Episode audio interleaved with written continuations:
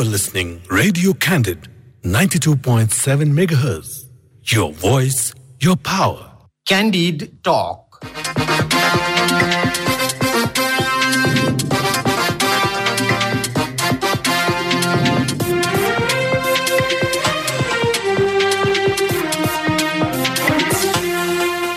नमस्कार क्यान्डिड टकमा तपाईँलाई स्वागत छ। म धीरज बस्नेत। रेडियो क्यान्डिडको प्रस्तुति कार्यक्रम क्यान्डिड टक तपाईँले शनिबार बाहेक हरेक दिन बिहान साढे छ बजेबाट सात बजेसम्म आधा घन्टा सुन्दै आइरहनु भएको छ। समसामयिक विषयमा कुराकानी हुने यो कार्यक्रम तपाईँले काठमाडौँ उपत्यका र आसपासका जिल्लामा बयानब्बे दशमलव सात मेगाहर्जमा रेडियो क्यान्डिडको आधिकारिक फेसबुक पेजमा हाम्रो पात्रोमा रेडियो क्यान्डिडको एप्स डाउनलोड गरेर र पोडकास्टमा समेत सुन्न सक्नुहुन्छ। किशोरी बलात्कारको अभियोग लागेका अभिनेता फल शाहलाई जिल्ला अदालत पूर्वी नवलपरासीले दुई वर्ष छ महिना कैद सजाय तोकेको छ। शाहको बाल यौन दुरुपयोग गरेको शाहले बाल यौन दुरुपयोग गरेको न्यायाधीश यज्ञ प्रसाद आचार्यको मङ्गलबारको इजलासले ठहर गरेको हो। पीडित किशोरीलाई दस लाख क्षतिपूर्ति दिन र पच्चिस हजार जरिवाना तिर्न पनि फैसलामा भनिएको छ। मुलुकी अपराध संहिता दुई हजार चौहत्तरमा बाल यौन दुरुपयोग र बलात्कारका बारे छुट्टा छुट्टै व्यवस्था रहेको छ। बलात्कारको अभियोग लागेका व्यक्ति बाल यौन दुरुपयोगमा कसरी परे? अझै भनौँ बलात्कारको आरोपमा आरोप कसरी बाल यौन दुरुपयोगमा स्थापित हुन सक्छ र यसको अवस्था अब कसरी यसलाई छुट्टा छुट्टै रूपमा व्याख्या गर्न सकिन्छ? अझै पल शाहका विषयमा तनहु जिल्ला अदालतमा मुद्दा कायमै रहेको अवस्थामा अब के हुन्छ? आज हामी यो विषयमा विशेष कुराकानी गर्दैछौँ र कप्तान सन्दीप लामिछाने विरुद्ध पनि बलात्कारको आरोपमा जाहेरी परेको छ र करिब पन्ध्र दिनदेखि यसलाई गोप्य राखेको प्रहरीले भन्ने कुरा बाहिर आइराखेको छ। यो विषयमा पनि अब के हुन्छ भन्ने विषयमा हामी आज अधिवक्ताहरूसँग कुराकानी गर्दैछौँ। अधिवक्ता राधिका खतिवडा यतिखेर हामीसँग कुराकानीका लागि प्रत्यक्ष टेलिफोन सम्पर्कमा हुनुहुन्छ। खतिवडाज्यू यहाँलाई स्वागत छ क्यान्डी टकमा। सबैभन्दा पहिला अभिनेता पल शाहलाई खास गरी बलात्कारको आरोप लागेको थियो र त्यही अनुसार मुद्दा दायर भएको थियो। तर यो बाल यौन दुरुपयोगमा कसरी यो परिणत भयो यस्तो खालको हुन्छ? यो पहिलो जस्तो लाग्यो मलाई। तपाईँहरूले यो जुन मुद्दा मामिलाका क्रममा यस्ता खालका फैसलाहरू कमै सुन्न पाइन्छ यो कसरी यसरी परिणत हुन सक्छ? यो के हो खास? यस्तो हुन्छ। अब यो के हुन्छ भने सुरुमा एउटा प्रमाणका आधारले मुद्दा दायर गरेको हुन्छ सरकारले होइन? यो सरकारवादी मुद्दा हो। र पछि त्यो प्रमाणलाई चाहिँ अदालतले परीक्षण गर्दाखेरि त्यो अदालतलाई त्यो प्र- प्रमाणलाई चाहिँ अदालतमा लगेर फेरि भेरिफाई गर्दाखेरि त्यसमा केही परिवर्तन देखियो त्यसमा केही रूपान्तरण देखियो भने त्यस्तो अवस्थामा अदालतले अभियोग परिवर्तन गरिदिन पनि सक्छ नगरिदिन पनि सक्छ। तर यो पल्साको मुद्दामा चाहिँ अभियोग परिवर्तन गरेर आंशिक अभियोग पुष्टि गरिदिएको छ। अब अदालतसँग के अधिकार हुन्छ भने एउटा सरकारले लगेको अभियोगलाई जस्ताको तस्तै चाहिँ सदर गर्ने दाबी पुग्ने बनाउने।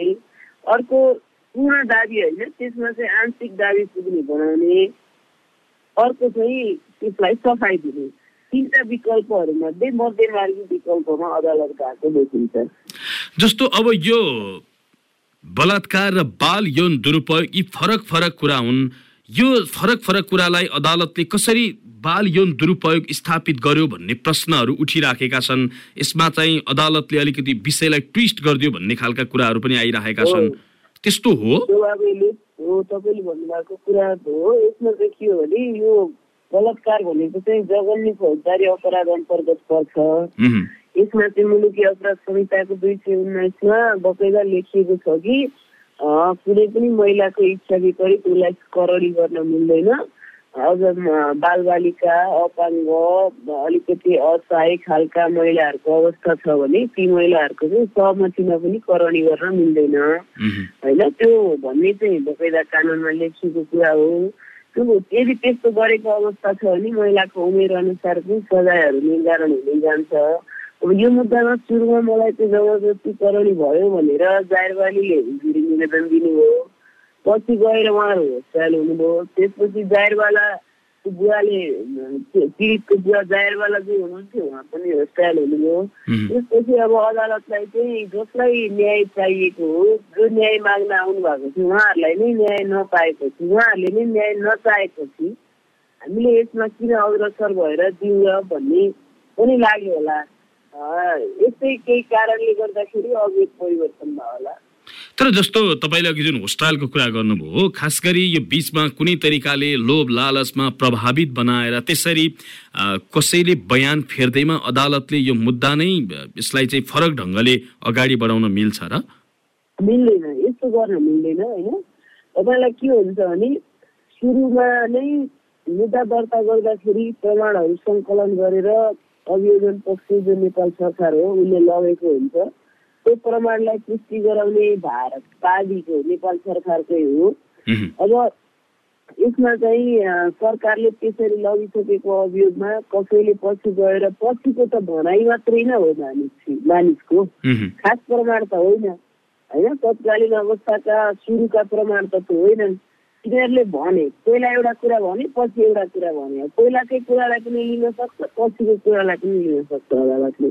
तर वस्तुगत प्रमाणका हिसाबले के हो वास्तविकता भन्ने कुरालाई हेर्नु पर्थ्यो यो मुद्दा गरेका हिसाबले बुझेका हिसाबले अलिकति चाहिँ यसमा जो दावी लिएको छ त्यो दावीलाई स्थापित गर्ने आधारहरू पनि प्रशस्त थियो होइन त्यो हुँदाहुँदै पनि अ, अभियोग चाहिँ परिवर्तन भएको अवस्था देखिन्छ जस्तो तपाईँ आफै पनि पीडितको पक्षबाट वकालत गर्दै आउनु भएको थियो। र थुप्रै प्रमाणहरू पनि थिए होलान् तर अदालतले ती प्रमाणलाई स्वीकारेन नि त तपाईँहरूले जे दावी गर्नुभयो त्यसलाई। त्यो अब यस्तो हुन्छ हेर्नुहोस् अदालतमा पनि आफ्नो कतिपय चाहिँ अदालतका आफ्ना सीमाहरू हुन्छन् अदालतको आफ्नो सुविवेक हुन्छ। अब हाम्रो प्रणालीमा के छ भने तल्लो अदालतले गरेको कुरालाई माथिल्लो अदालतले करेक्सन गर्न सक्छ। अन्तिम जिल्लाले त यो अन्तिमै भयो। त्यसपछि यसमा उच्च जान सक्छ सर्वोच्च जान सक्छ।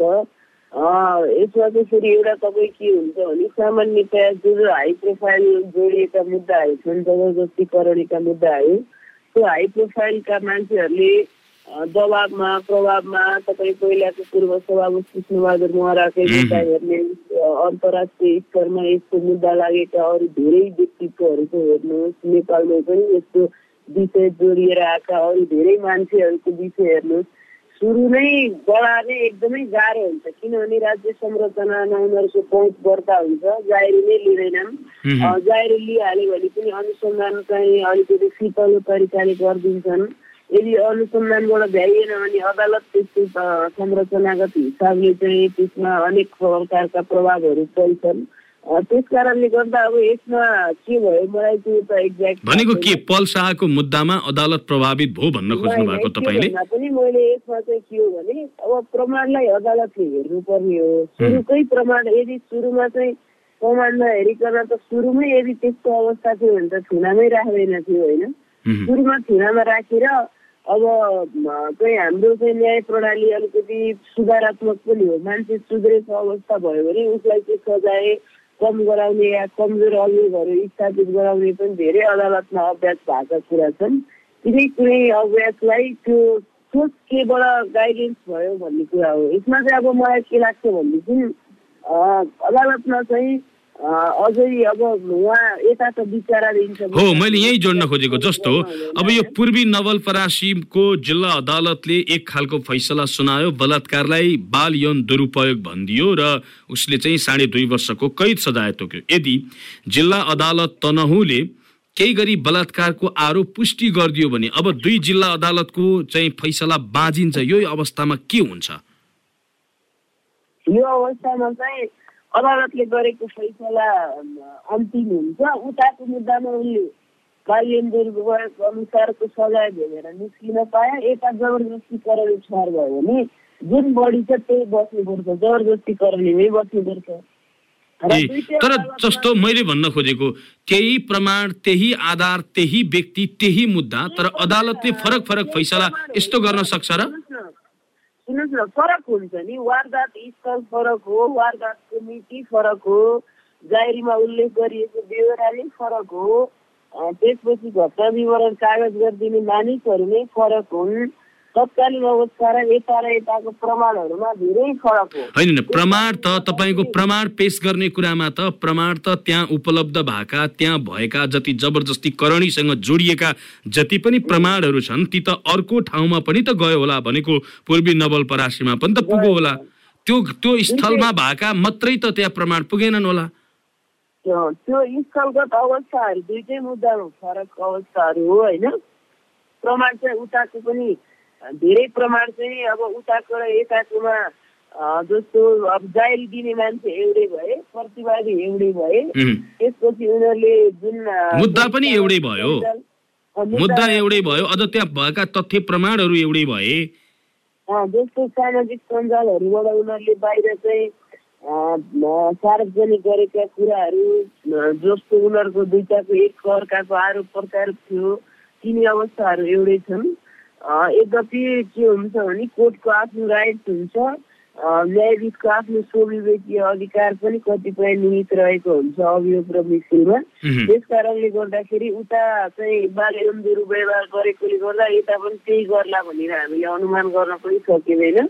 यता जक नै ठहर हुन पनि सक्छ। या केही हुन पनि सक्छ या सफाइ हुन पनि सक्छ। त्यो अवस्था अहिले अदालतको विचारधीन मुद्दा चाहिँ अनुमान गर्नलाई सकिँदैन र अब अर्को कुरा जस्तो यो अनुमान गर्न सकिन्न भने पनि यो विषय आइहाल्छ। जस्तो तनहु जिल्ला अदालतले यदि सफाई दियो भनेको यो बलात्कार अभियोग पुष्टि हुन सकेन भनौँ र बाल यौन दुरुपयोगको विषय उसले उठानै गरेन भनेदेखि के हुन्छ? त्यो पनि हुन सक्छ मैले अघि तपाईँलाई भने त्यो अवस्थामा त्यो अवस्थामा पल्सा साढे दुई वर्ष जेल सजाय बस्नुपर्छ कि त्यसको अलिक फरक खालको कुनै हुन्छ बाटो अब साढे दुई वर्ष उताकोलाई त कायम भयो जुन अहिले कायम भएको छ हिजोको अहिले त ऊ मात्रै भएको। यसमा चाहिँ कसुर मात्रै कायम भएको हो। सजाय निर्धारण अझै भइसकेको छैन होइन? सजाय निर्धारण हुँदाखेरि कति गर्छ पनि थाहा छैन। मिडियाहरूमा चाहिँ साढे दुई वर्ष कायम गर्यो भनेर आएको छ। त्यो. पनि मलाई लाग्छ अनुमानकै कुरा हो? बालियन दुर्व्यवहारमा अन्तिम सजाय भने तिन वर्षसम्म हो होइन? तिन वर्ष मध्ये कति गर्छ? बसेकै टाइम गरेर निकाल्ने आदेश पनि हुन सक्छ उताबाट सजाय निर्धारणको दिन। अहिले भनेको हिजो भनेको कसुर कायम मात्रै भएको हो होइन. त्यसैले अब ऊ कहिले निस्किन्छन् भन्ने कुरा चाहिँ अदालतको सजाय निर्धारणको दिनको हातमा हातमा कुरा छ। अब सजाय निर्धारणको दिन चाहिँ तिन वर्षसम्म कैद भनेको त एक दिन दुई दिन पाँच दिन दस दिन जति पनि गर्न सक्यो होइन? त्यस कारणले गर्दाखेरि तिन वर्षसम्म सामान्य दुर्व्यवहारसम्म मात्रै गरेको हो भन्ने कुरा मात्रै उताबाट पुष्टि भएपछि त ऊ निस्किन सक्छन्। त्यसो भने छ महिना भनेर भनिदियो भने पल्सा भोलि नै पनि निस्किन सक्ने भए। निस्किन सक्छन्। अब तर निस्किन सक्दैनन् किनभने तनाउको मुद्दा टुङ्गो लाग्नु पर्यो नि तनाउबाट सफाइ दियो. उताबाट त्यति भन्यो भने त निस्किहाले होइन? तनाउको मुद्दा नटुङ्गिकन त एउटी निस्किने सम्भावना छैन। अब तनाउको मुद्दामा के गर्छ अदालतले त्यसपछि चाहिँ ऊ कहिले निस्किन्छन् भन्न सकिन्छ। त्यसपछि फेरि उच्च जाने सुविधा त छँदैछ। छ तर उच्च गए पनि यदि अदालतले फैसला गरिसकेर गरेको फैसलाको कैद प्रतिवादीले भुक्तानी गरिसकेको अवस्था छ भनेदेखि बाहिर बसेर उच्च त नेपाल सरकार जान्छ नै. यिनले मुद्दा लड्नुपर्छ तर बाहिर बसेर लड्न पाउँछन्। यदि ए हामी तपाईँ हामीले अहिले छलफल गरिरहेको जस्तो बालियन दुर्व्यवहार भनेर बसेको कायम गरेको कैद चाहिँ भुक्तान गरेको अवस्था रह्यो भने। तर यताको अदालतले अ, चाहिँ जग नै ठहर दियो जबरजस्ती नै ठहर्यो या यताको अदालतले चाहिँ अन्य कुनै अवस्थाहरू देखेर चाहिँ हतियार या केही अवस्थाहरू ठहर्यो भनेदेखि त फेरि भन्न सकिँदैन नि त कति हुन्छ भन्ने कुरा। यो चाहिँ पल्साको पाटो भयो हिजै मात्र पनि नेपाली क्रिकेट टिमका कप्तान सन्दीप लामिछाने विरुद्ध पनि बलात्कारको आरोपमा जाहेरी परेको कुरा बाहिर आइराखेको छ उहाँ चाहिँ खास गरी यतिखेर सन्दीप लामिछाने अ, नौरवीतर्फ रहेका छन्। उनी फर्किने बित्तिकै पक्राउ गर्ने वा यसको अनुसन्धान प्रक्रियाहरू अगाडि बढ्ने यस्ता केसहरूमा चाहिँ के हुन्छन्? अब हेर्नुहोस् जारी परिसकेपछि त अनुसन्धान त अगाडि बढाउनै पर्यो होइन। तत्काल पक्राउ हुन्छ कि के हुन्छ? पक्राउ हुन्छ। बोलाउँछ स्वभावले पहिल्यै राम्रोसँगले एकपल्ट प्रहरीले गएन भने चाहिँ पक्राउ गरिहाल्छ नि। पक्राउ गरेर यस्ता मुद्दामा प्रमाण नष्ट गर्न लाग्ने भएको कारणले गर्दाखेरि सामान्यतया जो व्यक्तिलाई अभियोग लागेको हो त्यो व्यक्तिलाई चाहिँ थुनामै राखेर मुद्दाको अनुसन्धान गर्ने प्रचलन छ हाम्रो कानुनी व्यवस्था त्यही छ त्यस कारणले गर्दा उनलाई पनि पक्राउ गरेर हिरासतमा राखेरै अनुसन्धान हुन्छ होला जस्तो मैले पछिल्लो समय अलिकति तपाईँसँग जोड्न खोजेको यी त केही विषय भए केही पात्रको कुरा भयो खास गरी अलिकति प्रवृत्तिकै कुरा। नेपालमा पछिल्लो समय यी बलात्कारका घटनाहरू बढ्दै गएका हुन् कि उजुरीको सङ्ख्या बढ्दै गएको हो? यो चाहिँ यस्तो हेर्नुहोस् के हो भनेदेखि बलात्कारको घटना बढी भएरै उजुरी बढी भयो होला नि जस्तो लाग्छ होइन? तर पछिल्लो चरण अलिकति मान्छेमा जुन खालको चेतना स्तर विकास भयो जुन खालको चाहिँ कानुनमा कानुनी अवस्थाहरूका बारेमा ज्ञान भयो त्यसले गर्दाखेरि बढेको होला जस्तो लाग्छ होइन? कति अब तर के छ भने एउटा बलात्कारको मुद्दाको समस्या के छ भने बलात्कार या रेप चाहिँ कस्तो अवस्थाको मान्छेलाई हुन्छ भन्दाखेरि जो अलिकति निमुखा छ या जो अलिकति समाजमा चाहिँ अलि लो प्रोफाइलमा छ अलिक गरिब छ कमजोर आर्थिक अवस्थाको छ बालबालिका छ एकल महिला छ अपाङ्ग छ यस्तो अवस्था हरूको त्यस्तो अवस्थाका महिलाहरूको कमजोरीको फाइदा लिएर चाहिँ रेपहरू भएका हुन्छन् र कसले गर्छ भन्दा जो अलिक बढी हाई प्रोफाइलमा छ जो अलिक बढी चाहिँ सामाजिक चाहिँ राजनीतिक आर्थिक हिसाबले अलिकति माथि छ। जो अलिक पहुँचवाला छ त्यस्ता मान्छेहरूले चाहिँ यस्तो घटना घटाउँछन् र त्यो भिक्टिम चाहिँ पीडित त्यो खालको एउटा कमजोरी एउटा व्यवस्थामा बसेको मान्छेहरू हुन्छन्। त्यो भएको कारणले गर्दाखेरि के हुन्छ भने भिक्टिमलाई चाहिँ न्याय एकदमै गाह्रो छ। पहिलो त जाहेरी दर्तै हुँदैन। जाहेरी दर्ता भइहाल्यो भने पनि अनुसन्धानहरू प्रभावित हुन्छन्। समाज यही हो मान्छे यही हुन्। अब जो पनि अलिकति बलेकै आगो ताप्छन् त्यसपछि त्योभन्दा माथि गइसकेपछि अब हेरिदिने निकाय अदालत हो। अब जसले उजुरी दिएको हुन्छ जसलाई न्याय चाहिएको हुन्छ त्यसैलाई फेरि के गर्छन् भन्दाखेरि प्रतिवादी जो हाई प्रोफाइल ठुलो मान्छेहरू हुन्छन् तिनले चाहिँ प्रभावित पारेर पेस गरिदिन्छन् हेर्नुहोस् त्यो भएको कारणले गर्दाखेरि अनुसन्धान पक्षले अनुसन्धान गर्छ मेहनत पनि गरे हुन्छ उनीहरूले।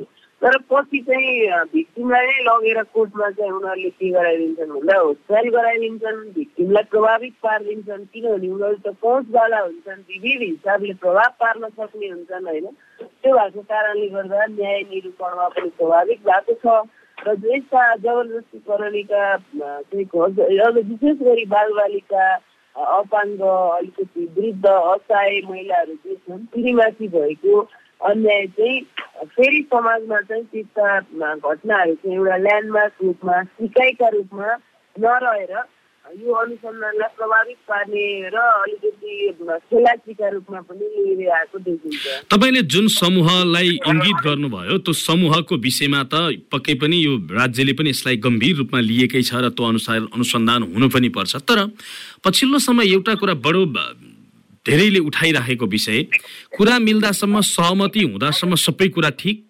जब कुरा मिल्दैन बिग्रिन्छ त्यसपछि बलात्कार भनेर प्रहरीकोमा पुग्ने अदालतको ढोका ढकढक्याउने त्यस्ता खालका जमात पनि बढ्दै गएका छन्। यो कुरालाई चाहिँ तपाईँले कसरी लिनुहुन्छ वा यो चाहिँ भनाइ मात्रै हो र यो जमात छैन? होइन यो त यो भनाइ मात्रै होइन। यो वास्तविकता पनि हो हेर्नुहोस् होइन?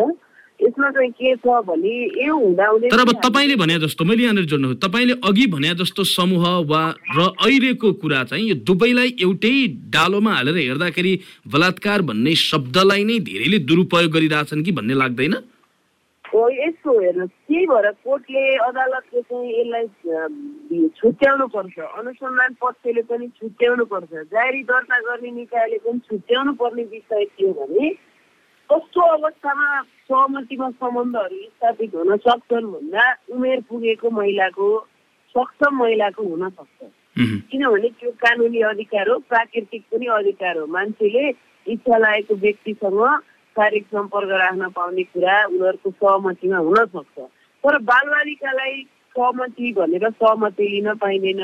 अपाङ्ग महिलाहरूलाई जो सुस्त मनस्थितिका महिलाहरू छन् उनीहरूलाई सहमति भनेर सहमति लिन पाइँदैन। सहमति नै हुँदैन उनीहरूको हकमा। त्यो भएको कारणले गर्दाखेरि अब यदि बालबालिका छ भने उसको सहमतिमा मैले चाहिँ शारीरिक सम्पर्क राखेँ भनेर कोही प्रतिवादीले भन्छ भने त्यसले चाहिँ त्यसले सजायबाट उन्मुक्ति पाउँदैन सजायबाट उन्मुक्ति पाउनु हुँदैन भन्ने हाम्रो मुलुकी फौजदारी अपराध संहिताको दुई सय उन्नाइसको स्पष्ट व्याख्या छ हेर्नु तर अब के छ भनेदेखि अलि उमेर पुगेका मानिसहरू उमेर पुगेका चाहिँ केटाकेटीहरूका बिचमा कति प्रेम सम्बन्ध हुन्छ त्यसपछि चाहिँ उनीहरूको बिचमा शारीरिक सम्पर्क हुन्छ। कति मानिसहरू चाहिँ तपाईँले भनेको जस्तै पुरा मिलनजेल सँगसँगै हिँड्ने विभिन्न चाहिँ प्रभावका लागि आफ्नो फाइदाका लागि त्यस्तो चाहिँ अवस्थाहरूमा पनि हिँडेका हुन सक्छन्। तर त्यो सबै हिँड्नुको पछाडिको पृष्ठभूमि के हो? अब यसमा चाहिँ इन्टेन्सन कसको गलत हो हाम्रो कानुनले हेर्ने भनेको चाहिँ मिन्स यसमा इन्टेन्सन चाहिँ केटाको गलत हो कि केटीको गलत हो? केटीको गलत इन्टेन्सन छ सहमतिका अवस्था प्रमाण सबैले देखिन्छ भनेर त्यस्ता मुद्दा सबै ठहर गर्न पनि मिलेन नि। तर के हुन्छ भनेदेखि सहमतिको अवस्था देखिएन कतै दबाबमा प्रभावमा विभिन्न खालको चाहिँ आश्वासनहरूमा पनि महिलालाई जबरजस्तीकरण गर्न मिल्दैन भन्ने कानुन हो। त्यो भएको कारणले गर्दा दबाब प्रभाव आश्वासनका अवस्थाहरू देखियो भने त मुद्दा ठहर गरेको अवस्था छ। अब जो तपाईँले अघि इङ्कित गर्नुभएको थियो सहमति हुन्जेली चाहिँ एकदम उनीहरूलाई रमाइलो हुने हुने। अनि जब सहमति हुँदैन त्यसपछि चाहिँ बलात्कार भनेर मुद्दा दायर गर्ने सङ्ख्या पनि पछिल्लो चरणमा धेरै बढेको छ अहिले। तर अब त्यो बढेको कुरालाई चाहिँ अदालतले मात्रै नियन्त्रण हुँदैन। यो जसले जाहेरी लिने निकाय हो त्यसले तत्काल किनभने जो अनुसन्धान अधिकृतहरू बस्नु भएको हुन्छ जो सरकारी वकिल जसले यस्ता मुद्दाहरू दायर गर्नुहुन्छ उहाँहरूले सुरुदेखि प्राइमा फेसी रूपमै उसले जाहेरी लिएर आइसकेपछि उसको उमेर सोध्ने उसका अवस्थाहरू सोध्ने कसरी तपाईँलाई बाध्यता बनायो कस्तो अवस्थाले चाहिँ तपाईँ त्यो ठाउँमा पुग्नुभयो त्यसको गम्भीर अनुसन्धान भयो भने यस्तो अवस्था हुँदैन।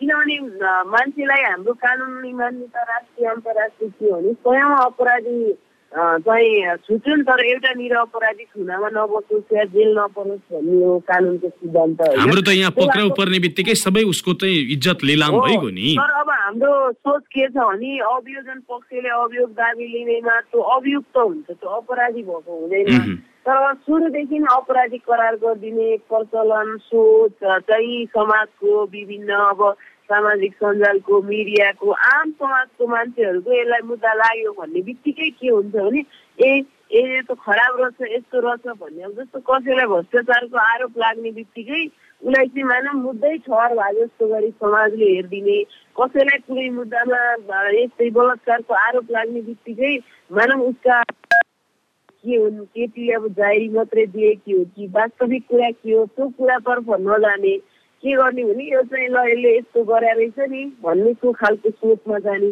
त्यो भएकोले त्यो सोच चाहिँ गलत हो हेर्नु हामीले सामान्यतया बुझ्नुपर्ने कुरा के हो भने हरेक मान्छेलाई अनुसन्धान हुन सक्छ जुनसुकै विषयमा हरेक नागरिकलाई नागरिक त सबै कानुनको एउटा घेरामा बाँधिएर रहेको हुन्छ राज्यले त्यो अनुसार बाँधेर राखेको हुन्छ। त्यो कुनै बन्धनहरू मध्ये कतैको धागो कमजोर कतैको धागो खुस्किन लागेको या कतैको पछिको बाँधेको बन्धनको धागो छुन्न लागेको हुनसक्छ। तर त्यो हुँदैमा मान्छे अपराधी हुँदैन। अभियुक्त र अपराधी धेरै फरक कुरा हो। अभियुक्त तत्काल सुरुमा जुनसुकै व्यक्तिलाई अभियुक्त कायम गर्न सक्छ राज्यले नागरिकलाई किनभने उसले चाहिँ कानुन उल्लङ्घन गरेको अवस्था देख्यो भने तर त्यो अभियुक्त चाहिँ पछि अदालतले प्रमाणित नगरुन्जेलसम्म उसलाई अपराधीको दायरामा राख्न मिल्दैन। कसैलाई जेलमा राखेको छ भने पनि हाम्रो सामाजिक व्यवहारहरूभन्दा फरक खालको एउटा समाज राज्यले निर्माण गरेको हुन्छ त्यो भनेको कारागार हो। त्यहाँभित्र राखेर उसलाई सुधारका प्रयासहरू गराउँछ। उसलाई चाहिँ पढाउने लेखाउने विभिन्न तालिमहरू सञ्चालन गर्ने र पुनः फेरि समाजमा स्थापित गराउने चाहिँ हामीले अवलम्बन गर्दै आएको कमन ल सिस्टमले हामीलाई गाइडलाइन्स गरे हुन्छ। त्यो गर्नु भने हो राज्यको दायित्व। तर अब यहाँ चाहिँ मुद्दा पर्ने बित्तिकै सबै चिज मानौँ कि यसले सबै चिज बिगार्यो भन्ने सोचाइ हेर्ने दृष्टिकोण चाहिँ गलत हो समाजको। हस् यहाँलाई महत्त्वपूर्ण समय र संवादका लागि धेरै धेरै धन्यवाद। हस् यहाँलाई पनि धन्यवाद। आजको कार्यक्रममा पल शाहको मुद्दासँग जोडेर र समग्र बलात्कारको केससँग हामी केन्द्रित भएर अधिवक्ता राधिका खतिवडासँग कुराकानी गर्यौं। हौस् त क्यान्डी टकको यो अङ्क आजलाई यति नै। प्रविधि संयोजनका लागि गणेश श्रेष्ठलाई धन्यवाद। कार्यक्रमबाट म धीरज बस्नेत विदा माग्छु। रेडियो क्यान्डिड सुन्दै गर्नुहोला। नमस्कार।